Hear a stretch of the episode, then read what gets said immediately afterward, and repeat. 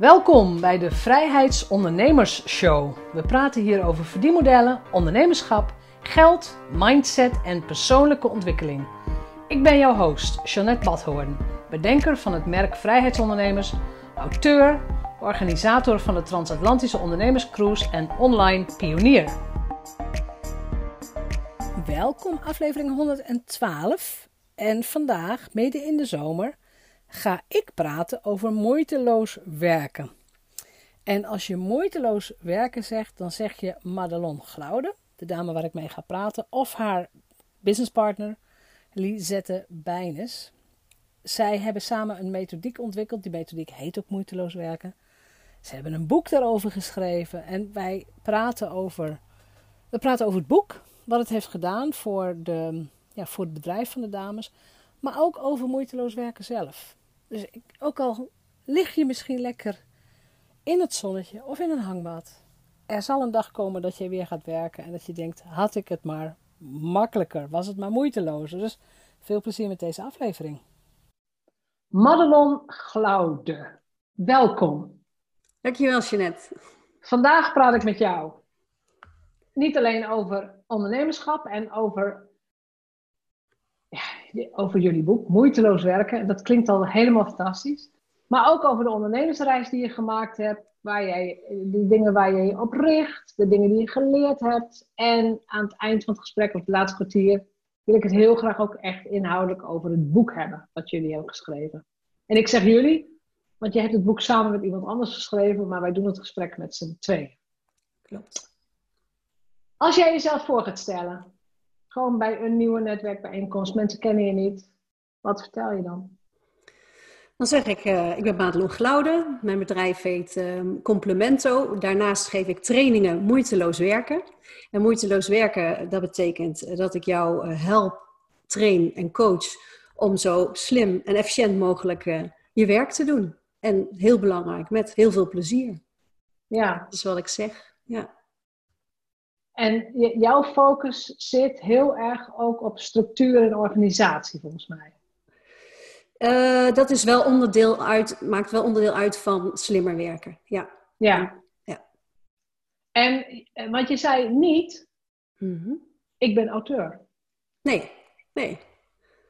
Hoe komt dat? Um, hoe komt dat? Dat is een goede vraag. Uh, omdat met name uh, wij natuurlijk heel erg op dat training en coaching uh, gericht zijn. En ja. wij ons boek gebruiken als onderdeel van onze trainingen. En uh, uiteraard ben je dan auteur ook, hè? want we hebben onze methode in dat boek geprobeerd te beschrijven. En ja. ben je ook officieel auteur. ja. Dus ik denk dat het wel op mijn LinkedIn-profiel staat. Maar inderdaad, dan roep ik het niet zo in een eerste contact. Nee. Nee, Nee. Nee, daar, nee, daar begin je niet mee. Van, ik heb een boek geschreven nee. over, over de methode die we hebben. Dat komt wel vaak te sprake. Want dan gaan mensen, als ik zeg uh, slimmer werken, dan gaat bijna iedereen vraagt dan wat bedoel je daar dan precies mee? Nou, dan ga ja. ik dat toelichten. Ja, dat het ook over informatieoverload gaat en dat mensen niet meer uh, het zicht hebben op wat er dan allemaal op hun afkomt. Uh, ja. Dat ze ook niet meer weten ellenlange to-do-listen hebben en niet meer weten waar ze moeten beginnen. En dan roep ik wel van, uh, we hebben daar ook een boek over geschreven. Ik, okay. mijn businesspartner Lisette, ja. En wat gebeurt er dan als je dat zegt? We hebben er ook een boek over geschreven. Dat maakt wel verschil, ja. Vertel. Ja. Nou, mensen kijken dan wel ineens van, huh, een boek geschreven? Want dat is toch blijkbaar iets wat dan wel, um, ja, wat dan wel indruk maakt. En ja. um, ik merk het ook heel erg als je echt uh, daadwerkelijk een acquisitiegesprek hebt, bijvoorbeeld. Ja. Um, dan nemen we dit ook altijd mee als soort um, visitekaartje. Want dat, dan kijken mensen toch anders naar je. Terwijl we gewoon nog steeds dezelfde trainingen geven. En nog steeds dezelfde zijn. Het is dezelfde systematiek. Het ja. is hetzelfde, en ja. jullie zijn dezelfde personen. Ja. Maar het, is, het zijn die, ja, hoeveel pagina's zijn het? Ik heb het, hier, het boek hier op naast me liggen. Nou, in totaal 186 pagina's. Ja. Die dus wel heel veel verschil maken. Ja, zeer zeker. Dus we zijn er ook heel blij mee dat we het uh, uitgebracht hebben. Ja. En uh, het heeft ook zeker zo zijn effecten. Ja. Kun je nog eens teruggaan naar het moment... Hoe lang werk je al samen met Lisette, jouw businesspartner? Ja, een jaar of acht al, denk ik. Ja. Een jaar of acht. Ja. Uh, het boek is uitgekomen in 2018. Twee jaar geleden, ja. Twee jaar geleden. Bijna precies twee jaar geleden. Ja. Volgende week. En wanneer hebben jullie besloten, wij gaan hier een boek over publiceren? Weet je dat nog? Nou, sowieso stond een boek schrijven al heel lang op mijn eigen lijstje. Waarom? Uh, Vertel eens, want heel, ja. veel, heel veel auteurs zeggen dat, hè? Ja, ja dat is zo'n zo, zo soort lijstje, een bucketlist of noem het maar wat, wat je ja? voor jezelf ooit in je hoofd uh, hebt. En um, dat was voor mij echt wel een van die dingen uh, die ik ooit nog zou willen doen. Hè? En wanneer ja. is ooit? Ooit is nooit. Lisette vond het ook leuk om te doen. Um, en wij hadden een heel uitgebreid trainingsboek wat we gebruikten in onze trainingen, wat we ook al zelf natuurlijk hadden uh, samengesteld. Ja, precies, dat was al van jullie. Ja, dat was al van ons. Ja. En um, dat lieten we elke keer mooi uh, kopiëren en inbinden en noem maar op. En toen hadden we op een gegeven moment een keer een brainstorm van het zou toch wel erg gaaf zijn als we gewoon ons eigen boek uh, hebben. Nou, en heel toevallig, ja, toeval bestaat natuurlijk niet. En toeval bestaat niet, niet in. Uh, kwam een, een, mailtje of zo van Daisy uh, Godijn voorbij over ja. uh, dat zij nieuwe auteurs zocht voor de serie Expert Tips. Ja. Nou ja, toen zijn we daarover gaan informeren en hebben we gezegd, ja, dat gaan we doen. We gaan, ja, ja. we gaan het gewoon doen. Ja. Want jij zei, het was een wens van mij. Had mm -hmm. jouw businesspartner dat ook? ik weet dat eigenlijk niet zo 1, 2, 3 te roepen. Uh, maar ja, zij was in ieder geval ook gelijk heel enthousiast daarover. Ja. Dus uh, dat, dat, was, dat kwam natuurlijk goed uit. Ja. En jullie hebben het ook echt met z'n tweeën geschreven? Ja, ja. we hebben echt uh, de hoofdstukken, of in eerste instantie natuurlijk een brainstorm gedaan over wat willen we dan in dat boek hebben. Ja. En welke onderwerpen komen daar naar voren. En hebben we ook echt gewoon onderwerpen verdeeld. Het is natuurlijk een boek wat een bepaalde stramien heeft met 50 tips. Dus ja. we hebben vijf, uh, tien hoofdstukken bedacht. Wat toevallig ook de letters moeiteloos waren. Ja, jullie hebben ook een eigen methodiek, de moeiteloos ja, methode. methode. Ja. Dus uh, we hebben om en om een hoofdstuk uh, geschreven. Ja. Om en om een hoofdstuk.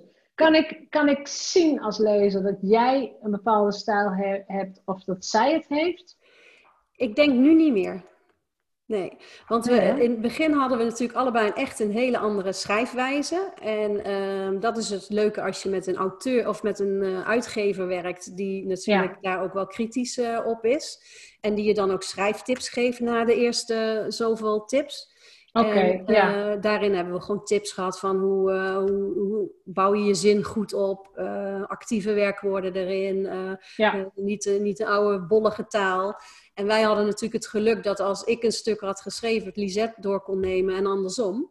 Dus, dat is wel um, fijn, dat je, dat je meteen elkaars um, input en ja. elkaars bewoordingen. Ja. ja. En je bent ook elkaars corrector dan, hè, in zoverre. Ja. Dus dat, ging, dat werkt dan heel goed als je dat op deze manier uh, samen verdeelt. Dus ik denk niet dat als je het nu leest, dat je zegt hé, hey, dit is een andere schrijfstijl dan dat hoofdstuk. Nee. Ik moet zelf ook echt wel eens goed kijken van welke had ik dan geschreven. En welke ja, ik, ik, ja. ik, herken dat. Ik heb inmiddels ook twee boeken gepubliceerd met een co-auteur. Ja. Soms weet ik ook niet meer. Heb nee. ik dat stuk geschreven of heeft zij dat geschreven? Ik weet het soms ook niet meer. Nee. Dat, dat is ook goed. Dat is ook leuk. Ja. ja. En, um, want jullie hebben die eigen methodiek. Mm -hmm. Jullie hebben de hoofdstukken verdeeld qua schrijven. Maar hadden jullie ook dezelfde werkethiek qua, nou ja, qua productie draaien in het boek? Of, ik weet dat je met dit soort projecten heb je ook deadlines. Mm-hmm. Hoe hebben jullie gezorgd dat, dat het boek eigenlijk gewoon op tijd klaar was? Ja, dat is natuurlijk iets wat wij in ons werk uh, iedereen proberen te leren. Hè? Ja, dus, dus jullie, jullie waren volgens mij als eerste klaar in die reeks. Ja, nou dat weet ik niet meer, maar in ieder geval, ja, nee, dat kunnen we dan wel. Uh, dat we gewoon wel voor onszelf uh, stapjes neerzetten van uh, dan willen we dit bespreken met elkaar en dan gaat dit stuk naar Daisy, dan moet dit. Dus dat hadden we wel redelijk goed in controle. Wat wel ja. heel grappig is om te merken als je samen een boek schrijft. wij gaven samen dezelfde trainingen, ieder bij onze eigen klanten. Ja. Uh, dat je ook tijdens het schrijven wel dingen tegenkomt dat Lisette dan bijvoorbeeld anders doet of dan ik dat doe, bijvoorbeeld. Zelfde uh, methodiek, zelfde ja. werkboek, ja. andere aanpak. Ja. En dat, dat, dat is ook wel leuk om te ontdekken, omdat je daardoor ook samen weer die discussie aan kan gaan. Ja, maar ik leg dat zo uit, waarom, daar en daarom. Of ik heb er die ervaring mee voor een groep. Uh, Misschien kunnen we het zo aanpakken. Dus naast het schrijven en het fysieke product, uh, het boek wat we hebben, denk ik dat we ook zeker onze trainingen daarmee uh, en coaching ehm, beter hebben kunnen maken. Doordat je daar weer eens helemaal terug naar de basis gaat. En het ook weer helemaal opnieuw met elkaar doorneemt en bespreekt. Ja, dat kan ik me wel voorstellen. Want zeker als je altijd alleen dezelfde training geeft, op een gegeven moment word je natuurlijk bedrijfsblind. Ja. Het is, het is heel goed als er een keer iemand meekijkt en zegt: hé, hey, je legt daar de nadruk. Of let op, toen je dit vertelde, haakte er iemand af, of weet ik veel. Ja. Ehm, ja, ik heb er zelf ook profijt van gehad als mensen mee gingen kijken. Ja. En feedback gaven daarover. Ja. Dus je bent auteur. Wat heeft het boek voor jou persoonlijk gedaan? En nog niet voor je business, maar voor jou persoonlijk. Sowieso vond ik het proces enorm leuk om mee te maken. Dat je begint met een, uh, met een brainstorm op een A4'tje van uh, wat willen we eigenlijk vertellen. En dat uiteindelijk je ook echt zo'n boek uh, in de hand hebt waar je foto voorop staat. Nou, dat had dan ook achterop gemogen. ja, nee, was voorop. Je staat voorop, ja. dat is natuurlijk wel heel gaaf. Hè? Dat uh, als uh, iemand zegt, ja nee, ik heb je boek besteld op bol.com. Dat zijn gewoon wel leuke momentjes. Uh, ja. Het is niet zo dat uh, bol.com uh, platgebeld wordt voor ons boek. Hè? Maar inmiddels hebben we er toch al behoorlijk wat weg kunnen zetten door onze eigen trainingen. En dat is dan wel heel gaaf. Ja. Uh, en ik vond het gewoon echt een leuke ervaring om mee te maken. En, ja, ik heb maar heeft het je veranderd als ondernemer? Heeft het je veranderd als persoon? Ja, veranderd als ondernemer. Je hebt wel meer expertstatus. Uh, en dat, dat, klinkt dan misschien een beetje raar, maar mensen kijken, hè, waar we het gesprek eigenlijk mee begonnen. Ja. En vooral opdrachtgevers kijken toch wel anders naar je uh, als je met zo'n boek op de proppen komt, dan uh, als je uh, gewoon je visitekaartje afgeeft, bijvoorbeeld. Ja. ja. Dat is wel gek dat dat zo werkt. maar ja, dat is de perceptie, maar het werkt, dat werkt inderdaad zo, dat klopt. En, en heb je, had je ook, kun je nog het moment herinneren waarop jij voor het eerst fysiek je boek kon vasthouden. Ja, dat was uh, met de vijf auteurs samen met jou onder andere. Ja, ik, ik, ik, was erbij. Ja. In het spand, toch? Ja, het spand in Bussum in theater. Ja, ja. Uh, werden de boeken echt overhandigd uh, door Daisy in dit geval. En dan is dat wel heel gaaf om te zien, want je hebt de drukproef gezien en hoe de voorkant, hoe het eruit ziet. Maar als je het dan in je handen hebt, is het wel heel leuk. Ja, ja. Was, je, was je ook trots? Ja, zeker. Ja, zeker. Ja? Ben ik nog steeds.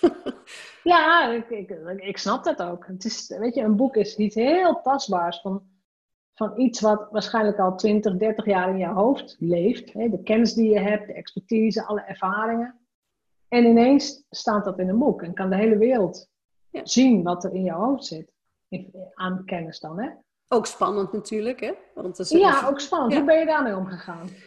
Um, nou weet je, wij zeggen altijd van uh, het vakgebied wat, waar wij over uh, trainen en coachen is eh, echt niet nieuw. Hè? Ik bedoel, dat bestaat al zo lang, time management. Uh, het is allemaal in een ander jasje en we hebben nieuwe programmaturen waar we mee moeten werken, noem maar op. Ja.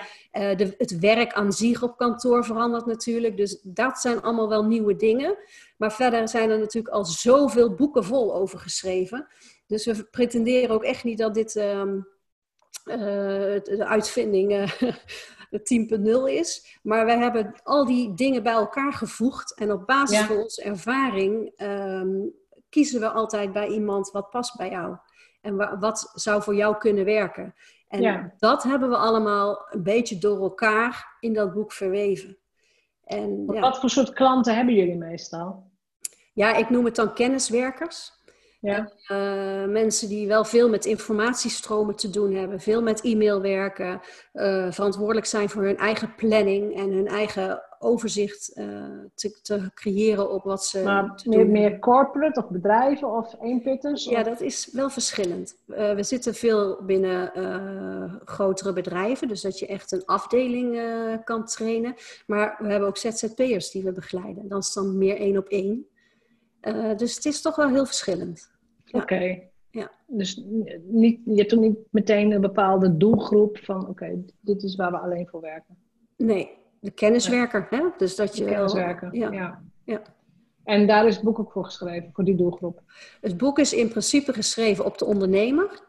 Uh, de ZZP'er zelfstandige, of uh, ja. de zelfstandige professional noem ik het dan maar. Uh, maar is gewoon door iedereen ehm, toe te passen, want het, het systeem blijft hetzelfde.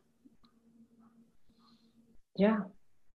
ja, dat denk ik ook. Of als, je in een grote, als je in een grote organisatie zit, dan moet je natuurlijk ook je eigen mailbox ja. Ehm, ja, controleren en beheersen. Ja. Misschien je eigen archief bijhouden, denk ik. Ja, en, en, je, en je met name je keuzes maken in uh, wat is nou belangrijk om te doen. Hè? Want we, we hebben zoveel te doen dat we dat toch nooit meer afkrijgen. Dus het gaat dan meer over, oké, en hoe hou ik dan het overzicht op wat er allemaal van me gevraagd wordt? En wat is het belangrijkste? Ik noem dat tegenwoordig JOMO. Ken je die term? Ik hoorde het uh, in jouw ja. podcast, ja. ja. ja. Joy of missing out. Ja. Het is precies wat je zegt, er is zoveel te doen, je kunt toch niet meer alles doen. Nee, en dat was vroeger natuurlijk anders. Dus in zoverre um, uh, ontwikkelt arbeid of werk zich ook, hè? En nu nou ja, onze, onze, hele, onze hele bestaan vroeger was natuurlijk gebaseerd op schaarste. Qua voedsel, qua alles. Uh, maar ook uitjes. Ik bedoel, vroeger was er één keer per jaar de kermis in het dorp misschien. Ja. Dat was het. En Ja. nu is het gewoon elke dag kermis als je, als je zou willen. En dat vind ik nou ook wel weer interessant nu we in de coronacrisis zitten. Hè? Ineens Ja, ja, kunnen ja. alle agenda's leeggeveegd worden. Ja, en Terwijl- ineens kon je wel thuiswerken. Terwijl ik een week daarvoor met mensen aan tafel zat van... Oké, maar je hebt nu zo'n volle agenda. Wat zouden we kunnen schrappen? Nee, niks. Alles moet, hè? Fear of missing out. Ja, En echt, ineens is, is de hele wereld anders. Dus dit heeft zeker ook zijn consequenties dadelijk voor eh, als iedereen weer langzaamaan hè, zijn dingen kan gaan doen. Mensen staan er Mm, anders in, ja. gaan andere keuzes maken. En goed, goed ook, denk ik. Ja, ja ik, ik denk dat heel veel mensen niet meer terug willen naar die, naar die echt enorme drukte. Naar die, ah, ik moet dit en ik moet dat en ik moet zus. Nee, Ja, een pleidooi voor, eh, nou ja, rustig aandoen eigenlijk. meer met aandacht, denk ik. En Ja. dan keuzes maken in, eh, in die dingen die eh, belangrijk voor jou zijn. Hè? Ja. Ja. ja. Ik heb ook een interview gedaan met Lou Niestad. Ik ga even op mijn lijstje kijken. Aflevering 89. En haar eerste boek, ik weet de hoofdtitel. De hoofdtitel weet ik niet eens meer, zou ik moeten opzoeken. Maar de ondertitel is een ode aan de dagelijkse sleur. En dat inderdaad heel erg gericht op eh, wat zijn nou de kleine dingen elke dag waar je heel blij van wordt. Je kinderen, je gezin, ommetje met de honden, even naar buiten, weet je, dat Ja. soort nou ja, dagelijkse sleurdingen, maar daar heel erg van genieten. Ja, en dat is ook wel het leuke van ons werk, denk ik, of vind ik. Ehm, dat er, het, heel, het is heel breed. Hè? Kijk, we beginnen natuurlijk altijd op de werkplek en eh, het druk, druk, druk syndroom eh, te proberen de kop in te Mm. drukken. Ehm, maar het gaat natuurlijk om veel meer. Van wat wil je nou zelf? Hè? Wat is belangrijk voor jou? Wat, wat- noem eens een indrukwekkend verhaal. Wat heb je meegemaakt bijvoorbeeld? Nou, wat, wat ik bijvoorbeeld heel erg bij is gebleven, en dat, dat heb ik wel een aantal keren meegemaakt, is dat ik met mensen begin eh, in een zakelijke omgeving. Hè, om te kijken, want mensen hebben het dan druk en geen overzicht meer. En nou, dan hebben wij bepaalde stappenplannen om, eh, om binnen een aantal afspraken eh, onderwerpen op te pakken. En dat mensen dan aan het einde van het traject, in dit geval een vrouw, zei van, goh, mijn man is heel erg blij met jou. Dus ik keek er een beetje Ja, ja. verbaasd aan. Je man? Eh, ik zeg, ken ik Oh. die dan? Of heb ik die dan ontmoet? Of ja, dan beginnen we met allemaal radertjes te draaien. Ja, je zegt die gemist? ken, je, die ken je helemaal niet. Maar ehm, hij is zo blij met jou, want ik zit gewoon s'avonds weer rustig op de bank met hem een Netflix-film te kijken. precies. Ja. Ja, dat zijn dan Ja. wel hele leuke verhalen die je dan Dus, terugkrijgt. dan dan breng jij dus rust terug in een gezin of in een Ja. relatie. Of... Ja. Is dat iets wat je van tevoren had ingeschat? Ja, ik zie, werk, ik zie werk niet los van jouw leven. En ik, we beginnen natuurlijk altijd op het werk, maar daar komen Ja. wel heel veel levensdingen bij kijken. als je het over burn-out hebt bijvoorbeeld, mensen die echt tegen het randje aanlopen. Nou, ik noem het liever eigenlijk werkstress. Nog niet echt dat je burn-out bent, maar flink last hebt van werkstress.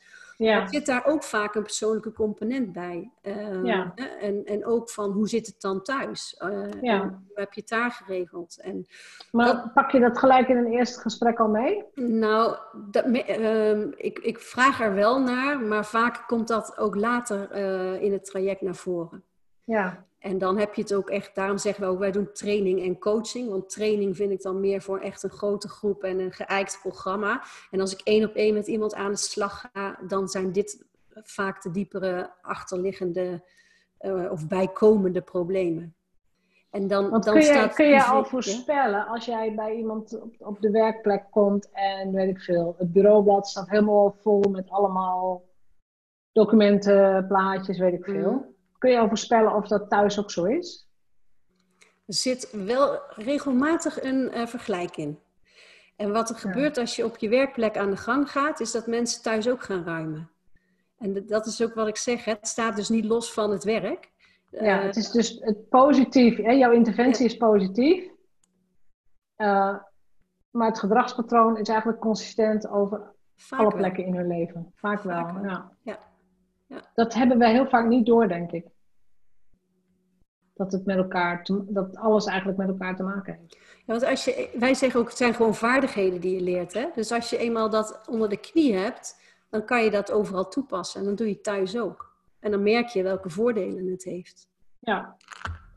En jullie, jullie methodiek, als het dan gaat over orde, structuur, uh, opruimen noemde jij, time management noemde je. Mhm. Hoe pak je gemiddeld genomen een, een, nou ja, een één op één coachingstraject aan? Waar begin je mee? Je mag ook gerust dingen uit het boek vertellen of noemen. Mhm.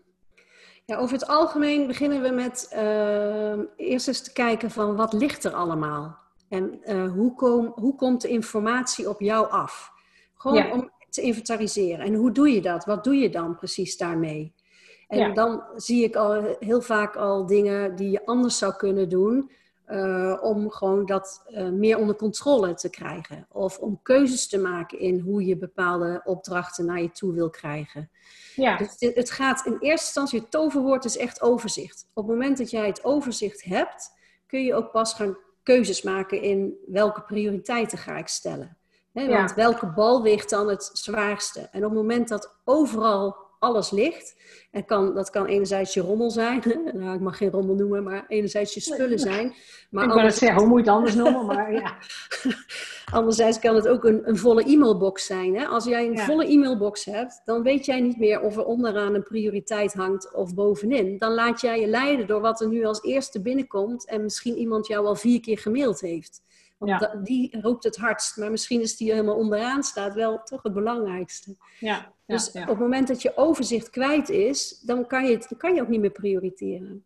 Dus dat overzicht is heel belangrijk om de eerste paar keer te creëren. Nou ja, dat kan je door middel van alles doen. Dat kan door opruimen zijn, maar dat doen we eigenlijk niet meer zoveel, want iedereen heeft alleen een digitale bende. Ja, dus ja, ja, stapels uh, van vroeger. Ehm, maar het overzicht creëren op eh, welke dingen er dan allemaal op jouw bordje liggen.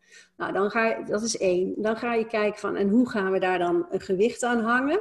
Uh, ja. Welke bal is dan het zwaarste? Nou, dan, moet, dan heb je het ook over prioriteiten leren stellen. Over wat vind je dan belangrijk in jouw leven? Wat vind je belangrijk in je werk? Um, op welke manier ga je om met alle vragen die op je afkomen? Ja, en dan kan ook een stukje privé daarbij komen kijken. Daar kan een stukje uh, persoonlijke eigenschappen mee komen kijken. Ja. Uh, heb je het over perfectionisme bijvoorbeeld, hè? de podcast uh, die jij ook gedaan hebt. Ja, dat kan best. Het komt vaak naar voren. Het komt in andere gesprekken ook vaak naar boven. Ja. Dat heeft ook invloed op hoe jij je werk doet. En uh, welke, of het snel gaat of langzaam of uh, dat soort zaken. Heb je, heb je gemeenschappelijke karakteristieken van de mensen die graag, of die jullie nodig hebben, die dus, die dus jullie in gaan huren? Wat kenmerkt ze? Nou, wat, wat, ze, wat over het algemeen kenmerkt is dat, ze, dat het allemaal leerbare mensen zijn. Dus het zijn uh, mensen die wel openstaan om, of ergens er la, echt last van krijgen om ermee aan de gang te gaan. En dat zijn ook de mensen waar wij gewoon het beste resultaat mee halen.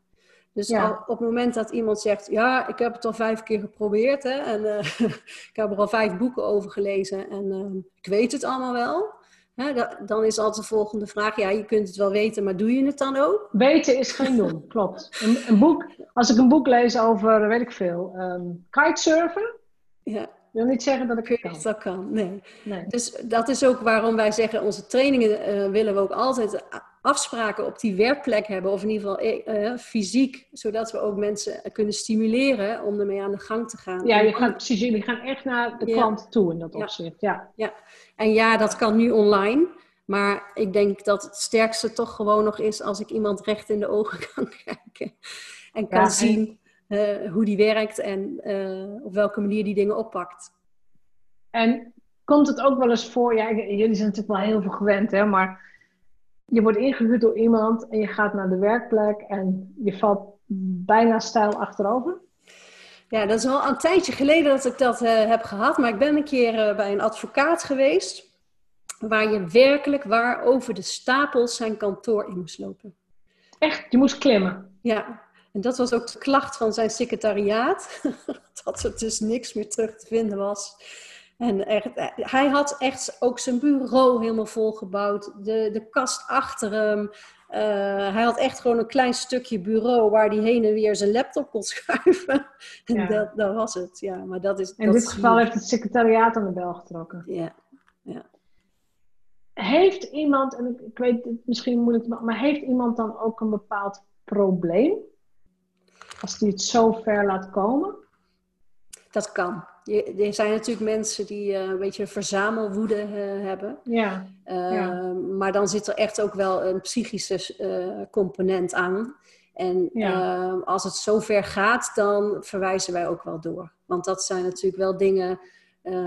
wij zijn geen psychiater. En, nee, maar jullie komen er wel tegen. Ja, kom je echt zeker tegen. Ja. ja. Ja. Want op het moment dat jij zegt, we gaan nu opruimen, we gaan dit weggooien. Ik bedoel, de enige ervaring die ik heb is dat programma op de televisie over, um, nou, over, over ziekelijke verzamelaars. Ja. Ho hoorders. Ja. En die mensen die, die raken volledig in paniek. Als jij een, een Donald Duck uit 1998, nou, misschien is dat veel waard, maar elk geval een stukje papier uit 1963 wilt weggooien. Zo. Ja. Nou, over het algemeen, natuurlijk ehm, um, zijn die mensen hebben, zitten ook in een werksituatie. Maar over het algemeen um, zijn dat niet de standaard mensen die je treft in een training. Dan is dat echt wel heel specifieke problematieken. En dan moet je denk ik ook echt gewoon één op één aan de slag. En ook voor een langdurig traject. Ja. En met, met ondersteuning, psychologische ondersteuning. Ja. Oké, maar je, oké, ik kan me wel voorstellen dat je het namelijk wel tegenkomt. Dat je denkt van ja, dit is, dit is een soort, er zit een patroon onder. Ja. Want wat is de reden dat mensen geen overzicht willen hebben? Uh, dat kan angst zijn, hè? angst ook om uh, tijd te hebben misschien. Of om uh, jezelf tegen te komen op het moment dat je alles onder controle hebt. Eh, sommige mensen vers verschuilen zich denk ik wel achter een hele berg werk. Ja, want, ja, want drukte is, een, is soms toch een soort statussymbool. Dek, dekmantel of een ja. statussymbool. Ja. Als mensen als mij vragen, als ik heel vaak als, op een netwerkbijeenkomst of zo, dan uh, als je mensen vraagt hoe is het, nou echt 9 van de 10 die zegt druk, druk, ja druk, druk. Ik ja, zeg dan nooit dat ik druk heb. Ik zeg altijd, ik heb een hoop belangrijke dingen te doen, bijvoorbeeld. Of ik ben lekker aan het werk. En nou, als je mensen erop wijst, dan zeggen ze ook wel, ja, is eigenlijk ook heel gek dat ik dat zeg. maar het zit ja, want zo... Wat zeg, wat, wat zeg je dan? Als je inderdaad, je komt iemand tegen, hoe is het met je? Nou, wel goed, maar ik heb het heel druk. Mm -hmm. nou, Hoe ga je daarop in? Dan vraag ik altijd waar ze het zo druk mee hebben dan. wat ja, dat dan voor dingen zijn. Ja, ik ga natuurlijk het gesprek aan. Ja. Uh, en dat, ja, dat is wel grappig. Ja. Heeft de beleving van druk zijn ook te maken met geen nee durven zeggen? Ik denk dat de beleving van druk zijn meer te maken heeft met het feit dat je geen overzicht hebt. En, en dus geen keuzes maakt. En misschien ook wel geen, ja. geen nee durft te zeggen. Of kunt zeggen. Ja. Dus Het, is een, het is een cirkeltje. Ja. Hoe maak je effectieve keuzes? Ja, door te weten wat je allemaal op je bordje hebt liggen. te weten wat jouw eigen prioriteiten in je leven en in je werk zijn. En daar, daar je keuzes op, uh, op te maken. En hoe maak jij een, een, een, nou ja, een relatief lastige beslissing? Hoe doe je dat? Hoe vlieg je dat aan? Een beslissing. Ehm, ja, ik, uh, ik zet voor mezelf wel even altijd de voor's en tegens op een rijtje. Zo van, uh, hoe voel ik me hierbij? Hè? En, uh, draagt het bij tot wat ik wil bereiken hè? of wat ik belangrijk vind? En op basis daarvan zeg ik ja of nee. Maar ik zeg natuurlijk ook wel eens ja, als ik eigenlijk nee bedoel. Ik bedoel, niks menselijk is ons vreemd. dus wat, dat wat, voor wat, voor dingen zijn dat dan bijvoorbeeld? Dat je ja zegt en eigenlijk stiekem denkt, mm, had ik maar nee gezegd? Nou ja, dat heb je natuurlijk wel eens met een bijeenkomst bijvoorbeeld. Of um, dat kan in je privé zijn, hè? dat je uitgenodigd wordt ergens voor dat je denkt, ja, ik kan het niet maken om niet te gaan. Ja. Ehm, maar ik word, naarmate ik wat ouder word, word ik er ook wel steeds kritischer in. Want, ja, lekker is dat toch? Ik merk ook wel dat ja, als je om je heen kijkt, uh, dat de tijd niet onbeperkt is. Hè? En uh, dat we ook zeker nee. geen dingen moeten doen eigenlijk waar je geen zin in hebt. nee. Nee, nee want jij, jij woont in de buurt van waar de hotspots ja? van corona ja. zaten. Of ja. zitten. Ja, en gelukkig heb ik hebben wij er zelf weinig um, direct mee te maken gehad. Dat is ook zo gek, hè? Woon je in de coronahaard. Ja. En, um, het, gelukkig is er hier om ons heen weinig gebeurd. Maar ja, neem niet weg dat er natuurlijk allerlei andere verschrikkelijke dingen zijn. ja, maar het, het is wel heel dichtbij dan. Ja. ja. Maar het is wel waar wat je zegt. Als je je eenmaal bewust bent van je sterfelijkheid, dan heeft niemand ook meer het recht om tijd van je te pakken mm -hmm. of stelen of te claimen. Mm -hmm. Het probleem is alleen dat uh, veel mensen dat pas te laat zien. Ja. dat ja. wil ik niet. maar ik herhaal het heel vaak. Ja. Ja. ja. Ook, ook tegen mijn kinderen. Ja. En uh, nou ja, het is wel grappig. We hebben ze ook nooit echt verplicht om te doen, dingen te doen. Hè? Dus je moet mee naar opa en oma of je moet mm -hmm. Nee, je zei, je zou ze een heel groot plezier doen. En wij zouden het heel leuk vinden, denk er goed over na. Mm -hmm. um, en uiteindelijk, uh, nou ja, ze, ze hebben wat pubertoestanden, maar dan is het op een gegeven moment ook over. Mm -hmm. Dan gaan ze heel graag mee, nu gaan ze vrijwillig mee. En nu ja. is het weer ja. Maar die, die sterfelijkheid, daar heb ik het ook met mijn kinderen vaak over. Ja. Ja, en dat geldt niet eens alleen maar voor opa's en oma's, hè? Ik bedoel... Uh, nee, uh, geheel dat, niet. Nee. Nee, geheel niet. Nee, dus dat is ook wel heel belangrijk. En daarom zeggen we ook wel, um, en vooral ook met plezier werken. Hè? Want je brengt er zoveel tijd relatief toch in door. Ja. Alsjeblieft, wat doe je jezelf aan hè? Als, je de, uh, als je het niet met plezier doet. Dus het kan ook soms wel eens zo zijn dat we een traject aan het doen zijn. En dat er gewoon echt blijkt dat iemand gewoon zijn werk niet meer leuk vindt. En dat hij eigenlijk gewoon ander werk moet gaan doen. Ja. Ja. ja, dat is wel heavy, maar ik snap wel dat het gebeurt. Ja. ja. Zullen we het boek eens door uh, dat is prima. induiken? Want jullie hebben de moeiteloos methodiek, waarbij moeiteloos elke letter staat voor een onderdeel. En uh, de M staat voor moeiteloos organiseren van je werkomgeving. Dan denk ik, je schrijft het wel heel makkelijk op, maar weet je nou hoe lastig dat is? Ja, dat is de eerste stap, hè, wat jij dan eigenlijk het opruimen noemde. Hè, van, uh, en zo, ja. Uh, ja, gewoon echt wel even orde in de chaos creëren. Want hoe makkelijker je je spullen terugvindt, hè, uh, ja. dat is ook wel een beetje gelijk het hoofdstuk 2, organiseer je informatie. Ja. Uh, hoe makkelijker je spullen terugvindt um, en heel snel op kan bergen, hoe sneller je gewoon aan de slag kan. En ja. uh, hoe efficiënter je werkt. Ik wil zeggen, dit is niet mijn sterkste kant, dus ik heb uh, heel regelmatig een VA die dit voor mij doet. Ja, dat kan ook. Hè? Dus dat ik zeg van nou, ik heb weer 1200 mailtjes in mijn inbox staan. Oké. Okay. Ik heb weer even iemand nodig die dat opruimt. Tegenwoordig hou ik het wel aardig bij hoor, dat gaat wel weer. Maar mijn fotoarchief en dat soort archieven zijn niet heel erg op orde. Um, dankzij Google Drive en Gmail kan ik wel ontzettend veel heel snel terugvinden. Terugvinden, ja. Ja, dus ik hoef inderdaad maar op zoektermen te zoeken en denk oh, ik heb het weer. Ja. Maar, en toch hè, moet je maar eens proberen om je inbox scrollvrij te houden. Hè? Wij zeggen ook niet leeg, want dat is gewoon een utopie tegenwoordig. Maar ja, scrollvrij vind ik een mooie, ja. Ja, heb je maar scrollvrij, dan zul je al merken dat dat anders voelt.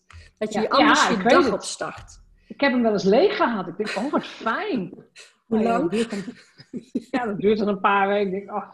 Ja. Ja. Leeg is ook wel een hele, hele opgave. Ja. Ik, hou het, ik probeer het wel aardig bij te houden. Dus organiseren van je werkomgeving en je informatiewerkomgeving. Wil dat ook zeggen je werkkamer, je bureau, je kasten? Ja, ja. Want met name, uh, er zijn ook echt onderzoeken gedaan dat uh, alles wat je op je bureau hebt staan of liggen, dat dat ongemerkt toch je attentie uh, trekt. Ja. En ehm, heel vaak zien we niet eens meer wat we allemaal op ons bureau hebben staan. Er staat misschien een oude kalender van vorig jaar nog, of een vergilde tekening uh, van, een, van een kind of whatever. Ja. Ja. En dat zie je niet eens meer. En toch trekt het wel onbewust je aandacht weg. En sommige mensen zeggen, ja, daar heb ik geen last van. Maar als jij het lastig vindt om bijvoorbeeld te focussen op iets, dan, dan zorg maar eens dat je gewoon in een lege omgeving zit. En dan zul je zien dat het al veel makkelijker gaat. Ja. Dus het is ook vaak gewenning. Uh, nou, door... ik ken het wel, want ik heb, mijn, mijn bureau is eigenlijk altijd wel vrij leeg. Uh, er liggen wat werkspullen, weet je, pennen en dat soort dingen. Dus als mhm. ik nu kijk, denk ik, nou oké, okay, er staat water. Uh, mijn vaste notitieblok ligt altijd naast me. Ja. Tegenwoordig ligt er een leesbril aan de linkerkant en aan de rechterkant. ik weet niet waar ik hem nodig heb. Uh, maar ik heb een tijd lang gehad dat mijn kast, als ik hem opendeed, kreeg ik een ongelukkig gevoel. Hij was te vol. En ik merkte inderdaad dat ik daar gewoon nou ja, onrustig van werd. En mhm. ja, ongelukkig is ja, ja, weet je zo. Mhm. Dus toen de coronatoestand begon, heb ik mijn hele werkkamer leeggeruimd. Ik heb kasten helemaal leeggeruimd. Ik heb waanzinnig veel weggegooid. Ik heb opnieuw geverfd, ik heb een nieuwe indeling. Ik heb met een, een zogenaamd distant designer de kamer oh. opnieuw ingericht. Ja. Ik heb een video helemaal moeten maken en de maten moeten doen en spulletjes. En toen zei ik, nou, ik ga het zo doen. Het is nog niet af, want ik doe het alleen in het weekend. Dus ik moet nog steeds dingetjes doen. Maar het is een wereld van verschil. Als ik nu mijn kast open doe, ben ik trots. Dan kan ik dingen vinden en heb ik lege planken. Ik denk, jongen, jongen, wat fijn. Ja. Ja, ja en weet je, op een gegeven moment, uh, je, neemt daar ook niet elke week de tijd voor. En op een gegeven moment uh, is het gewoon weer nodig hè, om eventjes een schoon schip te maken. Ja. Maar je kunt wel heel kritisch zijn op je spullen. Hè, van wat wil ik nou echt bewaren? En wat ga ik echt nog inkijken? Hè, al die catalogische en dat soort dingen hoeven allemaal niet meer te bewaren. Want je gaat toch op internet zoeken als je iets nodig hebt. Ja, hè, tegenwoordig. Ja, en zo, zo zijn er natuurlijk op je werkplek, maar ook je werkplek thuis en ook je werktas. Hè? hoeveel kilo zul je soms mee? Uh, oh ja, mijn werktas is altijd leeg. Kijkt. ik heb mijn werktas maak ik s'avonds altijd helemaal leeg. Ja, nou ja, er zijn mensen in de, in de bedrijven zie je dat dan vooral. Die doen er bijvoorbeeld vakliteratuur in. Ja, dat lees ik dan wel in het weekend. En die tas komt gewoon hetzelfde maandagochtend weer mee terug. en, en, die zeulen en die zeulen. Ja, ja. ja. Dus dat, dat heb ik nooit gehad. Dus dat is eigenlijk een beetje waar we het boek mee beginnen. Hè? Dat, en dat is geen hogere wiskunde. dat is gewoon nee, maar het is praktisch niet aan de slag. het is niet voor niks dat iemand als Marie Kondo zo populair is, bijvoorbeeld. Want veel mensen hebben het dus niet. Nee. Die hebben het niet goed voor elkaar. De volgende stap is de E. Waar is mijn E? Van efficiënte en effectieve werkgewoontes. Ik had ze net een heel overzicht voor me, maar het boek viel dicht. Efficiënte werkgewoontes. Efficiënt en effectief. En daar gaat het meer om ehm, wat voor persoonlijke eigenschappen heb je je aangeleerd, of persoonlijke werkeigenschappen, uh, die effect hebben op jouw werk. Dus onder andere waar we het straks over hadden, uh, perfectionisme bijvoorbeeld. Ja, ja oké. Eh, uitstelgedrag, hè? dat is ook een veel voorkomend iets. Ja. ja. multitasken. Ja het, eh, het, je, de afleidingen zoveel mogelijk um, voorkomen op het moment dat jij gefocust aan het werk moet. Want afleidingen zijn er natuurlijk altijd. Die kun je ook niet elimineren. Je kunt wel momenten zoeken waarop je wel gefocust kunt werken. Je kunt wel heel erg duidelijk, als ik bijvoorbeeld ga schrijven, dan is social media uit, mijn telefoon staat op stil, telefoon ligt ook weg. Oké, ja. dat scheelt wel alles. Ja moet ik zeggen. Ja. En dat kan ook in bedrijven, hè? want meestal wordt daar dan heel snel gezegd, ja, dat kan hier niet, want men werkt in een open tuin, zo'n kantoortuin, of uh, er moet altijd voor alles bereikbaar zijn. Maar zoek dan net gewoon die paar kleine momenten, al is het maar twee keer in de week een uur bijvoorbeeld, dat het wel kan, ja. ben je toch alweer twee uur verder. Dus het is meer kijken van wat kan wel, hè? in plaats van wat kan niet.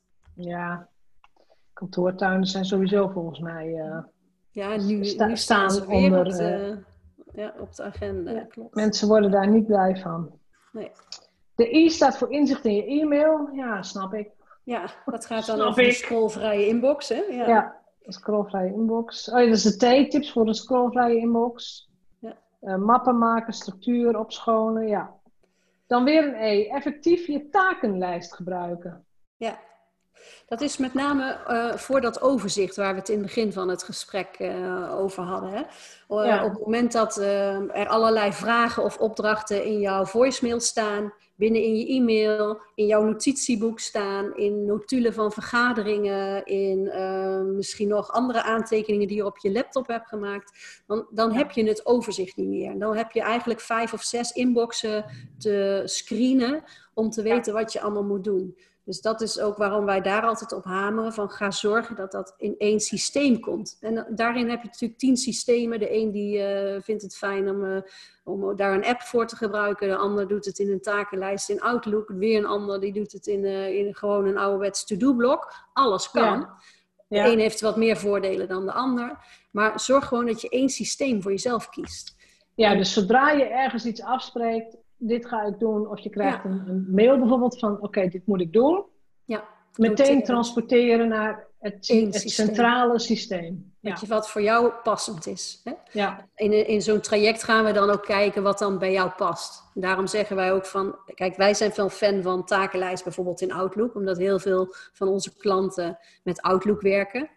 Uh, en daar kan je ook heel veel in. Dan hoef je het ook allemaal niet over te schrijven. En je kunt heel makkelijk selecteren, et cetera. Maar er zijn ook andere systemen die prima zo werken. Ja, maar ik dus vind het wel een goede tip om het op één plek te hebben. Dat je niet ja. je mail hoeft te zoeken, of Messenger, of WhatsApp. Dat is te veel. Ja. Dat is te veel. Ja.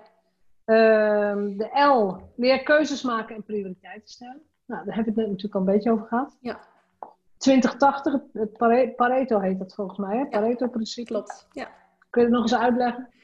Nou, 20-80% uh, principe, dat betekent eigenlijk als je naar je, bijvoorbeeld naar je kledingkast kijkt, want dat vind ik altijd het meest simpele uh, voorbeeld, dan, hang, dan draag jij ehm, van jouw kleding 20%, draag jij 80% van je tijd.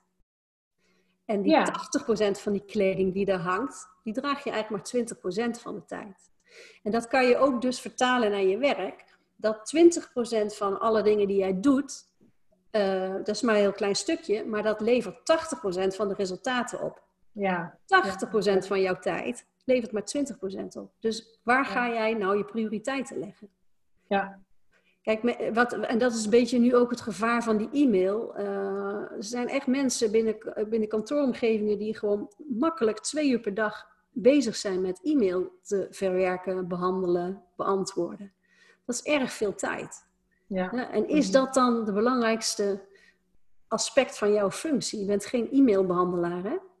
er komt natuurlijk wel heel veel vragen en informatie en noem maar op via e-mail binnen. Maar zorg wel dat je ook die andere tijd, hè, voor die echte resultaten, wel tijd uh, reserveert. Ik herken het toch dat je, dat je, je moet dus eigenlijk altijd eerst beginnen met die taak die het significante verschil in je bedrijf gaat maken, als je het over ondernemers hebt. Dus ja. Ja. Het krijgen van een klant of het bedienen van een klant of dat wat jou een ondernemer maakt. Klopt, ja. Dus daarom, ik huur, daarom huur ik ook regelmatig gewoon een VA in. Om af en toe eens even weer schoon schip te maken. Ik zeg, meld me af voor alle nieuwsbrieven. Even weer ja. alles op nul. En dan... Nou ja, de D van delegeren, of de O van overdragen, of nou ja, hoe je het dan ook wil noemen. Dat komt, staat ook nog ergens in een volgende uh, hoofdstuk. Ja. is natuurlijk ook een keuze die je kan helpen om je werk efficiënter uh, te doen. natuurlijk. Ja. Niet alles alleen te doen. Nee. dus keuzes maken, organiseer je agenda en je tijd. Mm -hmm. Begin je bij je agenda of begin je bij je beschikbare tijd? Hoe doe jij dat? Um, nou, er zit eigenlijk wel een overlap uh, in. Op het moment dat we naar die agenda gaan kijken, uh, zeggen we ook altijd van pak één agenda voor jouw hele leven. Hè? Uh, ja. Er is niks zo lastig als een privéagenda te hebben en een agenda zakelijk. Want dan gaat geheid een keer mis. Dan maak jij een hele belangrijke zakelijke afspraak als jij met je kind bij de tandarts moest zijn. Ik zeg maar wat. Ja, klopt. Ja. Dus indien mogelijk, hou één agenda. Um, dan gaan we ook kijken van hoe verdeel je dat? Hè? Want we weten dan inmiddels wat je belangrijk vindt. Als jij het belangrijk zou vinden om... Uh, ja, jij rijdt paard hè, volgens mij. Om, ja. Um, ik weet niet of je daar elke dag heen moet, maar stel dat je elke dag daarheen moet of om de dag, uh, dan moet je daar ook gewoon ruimte voor reserveren in je agenda en dus rekening mee houden. Dus op die manier gaan we gewoon ook echt kijken van, uh, heb je nu ook in je agenda de tijd en de ruimte om die dingen die jij belangrijk vindt ook echt te kunnen doen? Ja. En dan maak je een afspraak met jezelf bijvoorbeeld. En dat is wel ja. een beetje lastig, want dan komen we ook op dat nee durven zeggen, hè, wat je straks zei. Ja. Mensen zijn zo bang om een afspraak met zichzelf uh, um, erin te zetten, omdat ze zichzelf toch altijd minder belangrijk vinden ja, dan al die afspraken uh, met die ander. Precies, zelfintegriteit is, uh, is inderdaad vaak moeilijker dan de integriteit naar een ander. Dus inderdaad, ik maak een afspraak met, weet ik veel, met de buurvrouw. Ja. Die weegt dan zogenaamd zwaarder dan een afspraak die je met jezelf hebt. Ja. Hoe verander je dat? Ja, dat is, dat is heel erg spiegelen. En, en, en met mensen in gesprek gaan van uh, hoe komt dat, dat dat je het nu afzegt? Of uh, waar ligt dat aan? Waarom uh, geef je daar een andere prioriteit aan? Een, stuk bewustwording ook zelf te krijgen van ja, waarom nou, doe ik dat dan Hoe doe je dat zelf bijvoorbeeld? Als er zo'n conflict ontstaat? ja, dat is, dat is ook een continu leerproces gelukkig. Um, doordat je steeds afweegt van, uh, natuurlijk kan het niet zo zijn dat je altijd maar jezelf altijd voorop stelt. Hè? Ja, je zult ook soms wel eens iets moeten doen uh, voor een ander of omdat dat zo uitkomt. Maar dan moet je voor jezelf daar geen schuldgevoel meer over hebben. Dan is dat zo, dan kies je daar nu voor. Mm-hmm. En dan is het ook goed. Maar dan gaan we het vanaf morgen of volgende week weer oppakken. Ik, ik zelf heb dat bijvoorbeeld heel erg met sporten. ik vind dat ik het moet doen. Ja, maar je mag biechten. Duizend, je mag ik heb duizend en één excuses. Oh God, die ik dan ja. belangrijker vind om te doen. Ja. dan dat sporten. Ja. dat is elke keer wel weer zo'n afweging in je agenda. Hè? ja, ja. Ja, ik herken het wel hoor. Het is wel... Uh...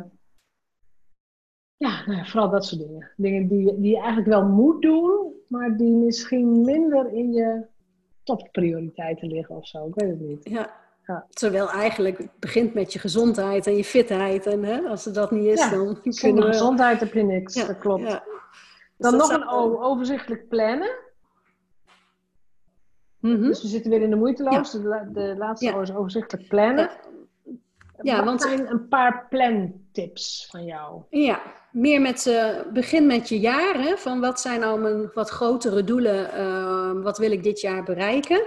En uh, schrap daarin ook dus je vakanties. Hè, of zet daarin ook je vakanties en de vrije dagen en noem maar op. Dan schrik ja. je altijd. We hebben ook een, zo'n jaarplan wat je dan kan downloaden bij het uh, boek. En dan ja. schrik je eigenlijk altijd al uh, hoe weinig echte werktijd er al is. Want ja, er valt klopt. gewoon al best veel Alles, weg. Ja, precies. Er valt al heel veel uit. Ja. ja.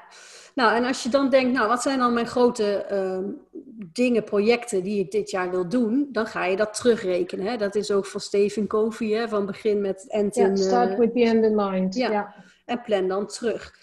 En um, op het moment dat je eerst die grote dingen een plek geeft in je agenda, dan kunnen al die kleine dingetjes, hè, die keitjes en die steentjes, uh, et cetera, kunnen er nog wel bij, zoals je e-mail, et cetera. Maar ja. op het moment dat je het andersom doet, dus je begint met die kleine steentjes, hè, die, die um, e-mail en de belletjes en de, de overlegjes, dan kunnen de grote dingen er niet meer bij. Nee, nou, dat, dat, is natuurlijk ook... Dat is een duidelijke metafoor inderdaad. Ja. Altijd eerst met de grote keien beginnen. Ja, en dat is ja. ook natuurlijk waarom we um, uiteindelijk ook soms niet die dingen kunnen doen die we ons voorgenomen hadden om te doen. Ja, ja dat is wel een hele goeie.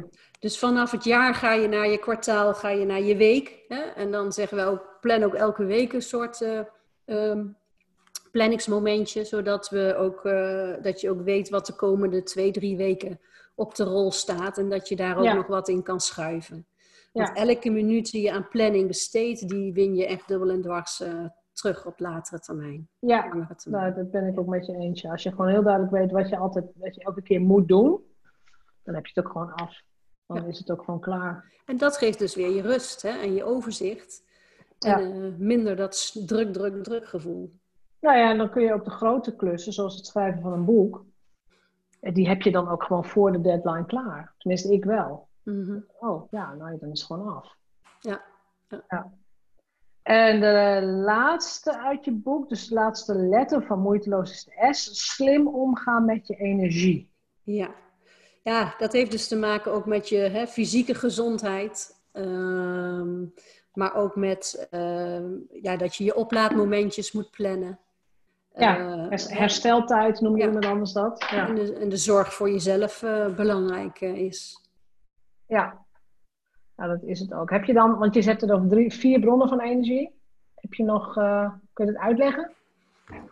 De vier bronnen van energie, ja, fysiek is dat. Ik ga eventjes. Bladeren. Uit je boek, uit je boek. Ja, precies.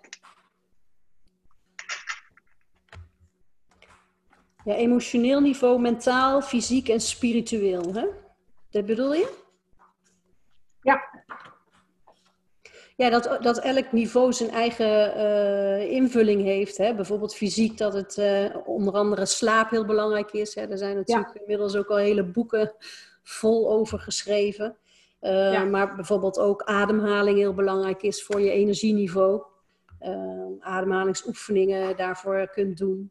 Ehm, mentaal, dat het natuurlijk ook over uh, motivatie gaat, hè, waar we het straks ook over hadden. Op het moment dat jij niet meer lekker in je vel voelt in een job. Heb je nergens zin in? Nee, dan heeft dat nee. geheid impact op, jou, uh, op jouw gestel, hè, op, je, op je, hoe je je voelt. Ja. Dus uh, dat zijn een aantal tips op, op die gebieden.